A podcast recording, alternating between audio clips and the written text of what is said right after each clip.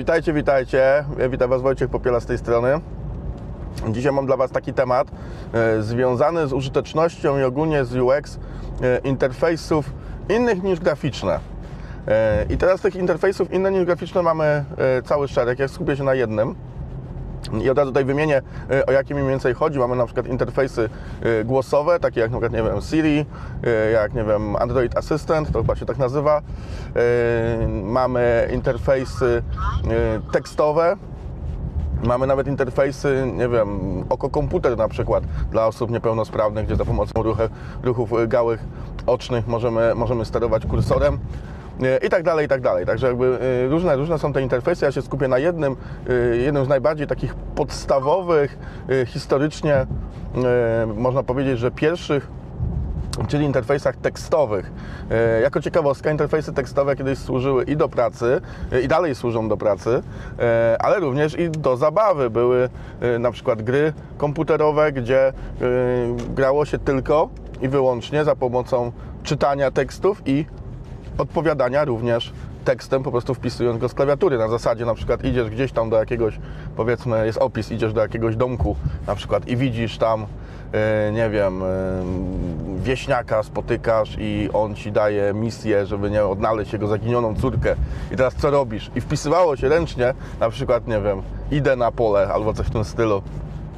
Także tego, tego typu y, rzeczy to były. Więc y, interfejsy tekstowe kiedyś miały bardzo szerokie y, zastosowanie. Obecnie y, to zastosowanie jest właściwie wyłącznie, wyłącznie do, w przypadku jakichś profesjonalnych działań, typu zarządzanie serwerami, programowanie i tak dalej. Jakby dalej, dalej interfejsy tekstowe są bardzo, bardzo popularne, no ale jakby już nie, nie w codziennym użyciu, bo mamy interfejsy graficzne. No i teraz opowiadam Wam o tym wszystkim dlatego, że bardzo często myślenie o użyteczności, myślenie o user experience jest utożsamiane y, z tym aspektem graficznym. To znaczy, jeśli nie ma interfejsu graficznego, nie ma designu, no to w ogóle nie ma tematu, tak? No nie ma o czym rozmawiać, no bo bo o czym tu rozmawiać, skoro jest tylko tekst i wpisuję i, i coś mi odpowiada, no to, to nie ma co projektować. I to jest bardzo mylne, y, mylne pojęcie, y, ponieważ user experience dotyczy każdego typu interfejsów, również interfejsów tekstowych. No i tutaj w jakich aspektach to może być? Y, To może być aspekt na przykład skrótów klawiaturowych, to może być aspekt na przykład jakie polecenia wpisuję, tak? Jaka jest składnia tych poleceń, nie? Bardziej, mniej skomplikowana, jakoś bardziej intuicyjnie nazwana i tak dalej. Y, Mogą być róż- różnego rodzaju y, elementy pomocy, czyli co wpisywać, jeśli wpiszę źle, to gdzie szukać podpowiedzi i, i, i tak dalej. Także pole do popisu z interfejsami tekstowymi jest również olbrzymie. E, I e, znane są przypadki, gdzie, gdzie na przykład e, trzeba naprawdę się mocno nauczyć takiego interfejsu tekstowego.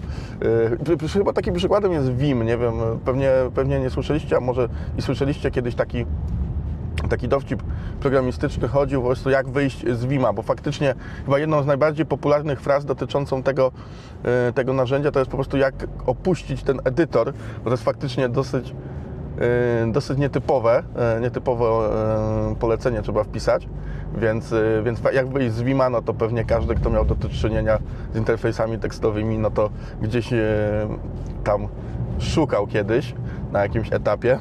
Także to, to jest dowód na to, że, że tutaj też jest pole do, do, do popisu, żeby stworzyć to po prostu jak najlepiej. I to jest olbrzymia, olbrzymia praca przed projektantami tego typu rozwiązań.